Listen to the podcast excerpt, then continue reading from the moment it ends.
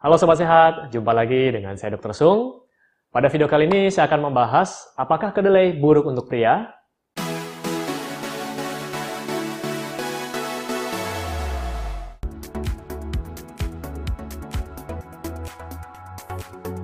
Sobat Sehat, pernahkah Anda mendengar bahwa orang mengatakan jangan terlalu banyak makan kedelai, nanti bisa mandul.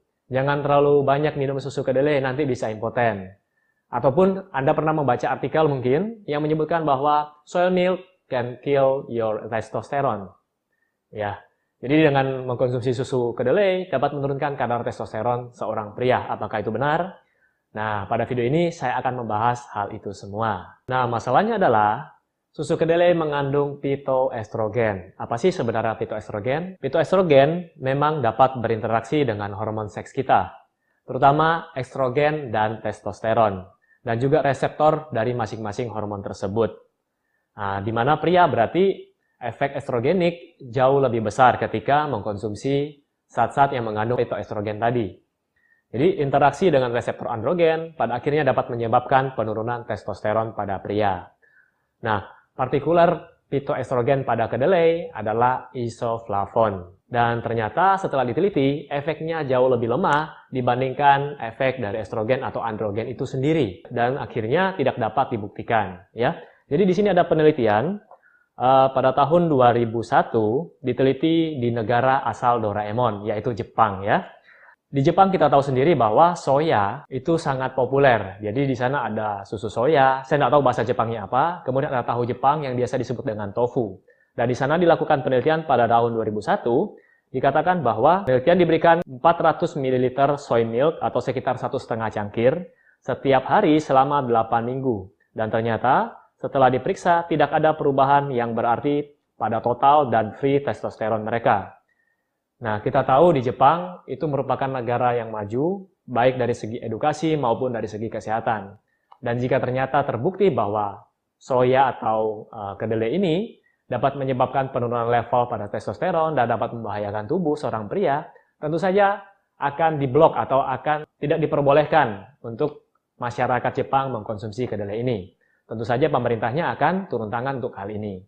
Dan ternyata penelitian tersebut tidak membenarkan bahwa testosteron dapat turun levelnya ketika mengkonsumsi kedelai. Ya, Nah, ada juga penelitian yang mengatakan bahwa Testosteron dapat turun kadarnya hingga 35% jika mengkonsumsi isoflavon 20 mg per kilogram berat badan.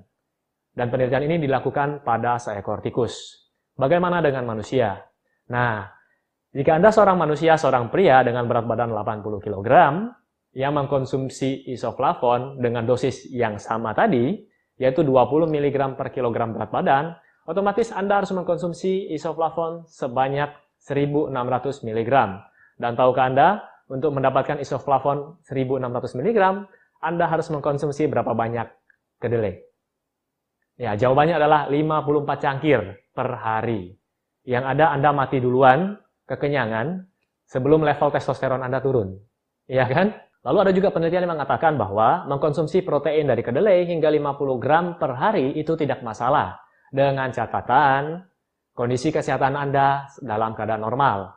Tapi kalau Anda mengkonsumsi dalam jumlah berlebihan, ketika berat badan Anda sudah berlebih, Anda punya masalah dengan diabetes, Anda punya masalah dengan sistem metabolik, ini juga harus diperhatikan. Karena kelebihan protein, baik melalui kelebihan protein hewani ataupun kelebihan protein nabati, juga tidak baik untuk tubuh Anda, terutama untuk ginjal Anda. Mungkin Anda juga bisa samurat dari situ, kalau kelebihan. ya.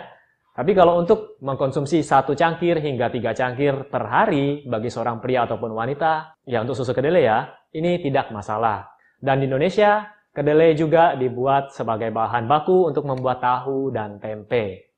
Dan juga mungkin membuat bahan makanan yang lain, ya. Nah, sobat sehat, jadi ini adalah informasi yang bisa saya berikan pada video kali ini. Dan bagi Anda yang ingin membaca lebih lengkapnya, saya akan taruh linknya di bawah ini, di link deskripsi. Anda bisa klik satu-satu linknya di sana, dan Anda bisa belajar lebih lanjut. Oke, semoga informasi singkat ini dapat bermanfaat buat Anda semua. Dan seperti biasa, di sini saya tampilkan dua video lagi buat Anda semua. Ya, buat Anda yang menyukai video ini, silahkan klik like, subscribe, dan share pada teman-teman Anda. Sampai jumpa di video saya selanjutnya. Salam hebat luar biasa.